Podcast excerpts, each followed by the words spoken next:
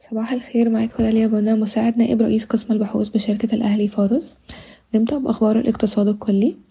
انخفض الدين الخارجي لمصر بنسبة نص في المية على أساس ربع سنوي إلى أقل بقليل من مية خمسة وخمسين مليار دولار في الربع الأول من السنة المالية عشرين اتنين وعشرين عشرين تلاتة وعشرين. هذا هو الانخفاض الثاني على التوالي منذ أن سجل الدين الخارجي رقما قياسيا بلغ 157.8 مليار دولار أمريكي خلال الربع الثالث من العام المالي 2021-2022 وارتفع رقم بنحو 12.8% على أساس سنوي من الربع الأول من السنة المالية 2021-2022 تدرس الحكومة إطلاق برنامج جديد لدعم الصادرات في بداية السنة المالية المقبلة كما تدرس الدولة إضافة قطاعات جديدة إلى برنامج الدعم. ترفع هيئة قناة السويس رسوم السفن النفطية العابرة للمجرى المائي بداية من إبريل المقبل. ستدفع الناقلات التي تحمل النفط الخام والمنتجات البترولية رسوما إضافية بنسبة خمسة وعشرين في المية اعتبارا من إبريل من خمسة في المية حاليا في حين أن نظرائهم الفارغين سيدفعون خمستاشر في المية. الرسوم الإضافية مؤقتة ويتم تنقيحها أو إلغاؤها بناء على ظروف الشحن العالمية. رئيس منطقة قناة السويس موجود في طوكيو لحشد الاستثمارات في المنطقة من المستثمرين اليابانيين.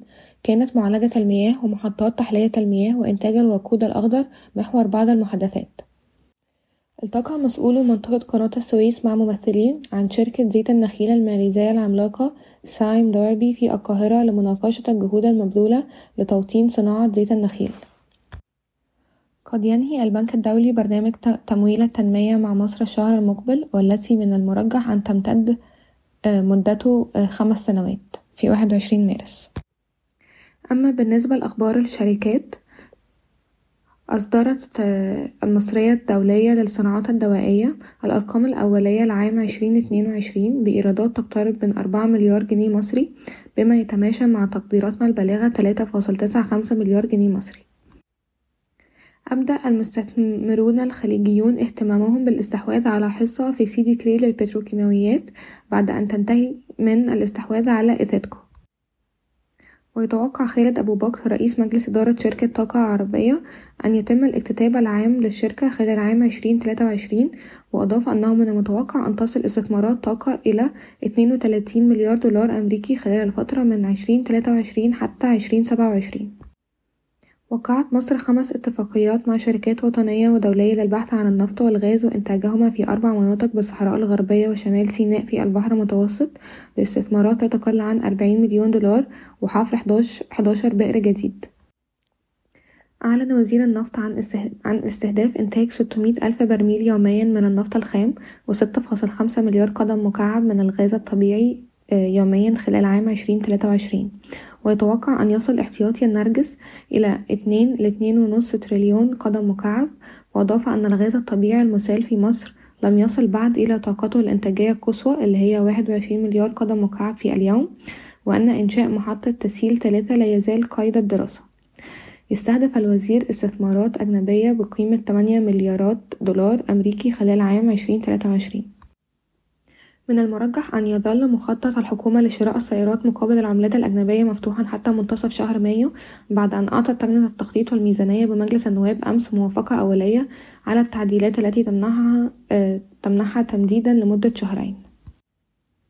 أعيد سيف ثابت إلى منصبه كرئيس تنفيذي لشركة جهينة ونائب رئيس وعضو مجلس إدارة ممثلا لشركة Pharon Investment Limited التي تمتلك حصة اتنين وخمسين في المية من جهينة بينما تم تعيين نيلز تومسون الرئيس التنفيذي السابق في منصب العضو المنتدب.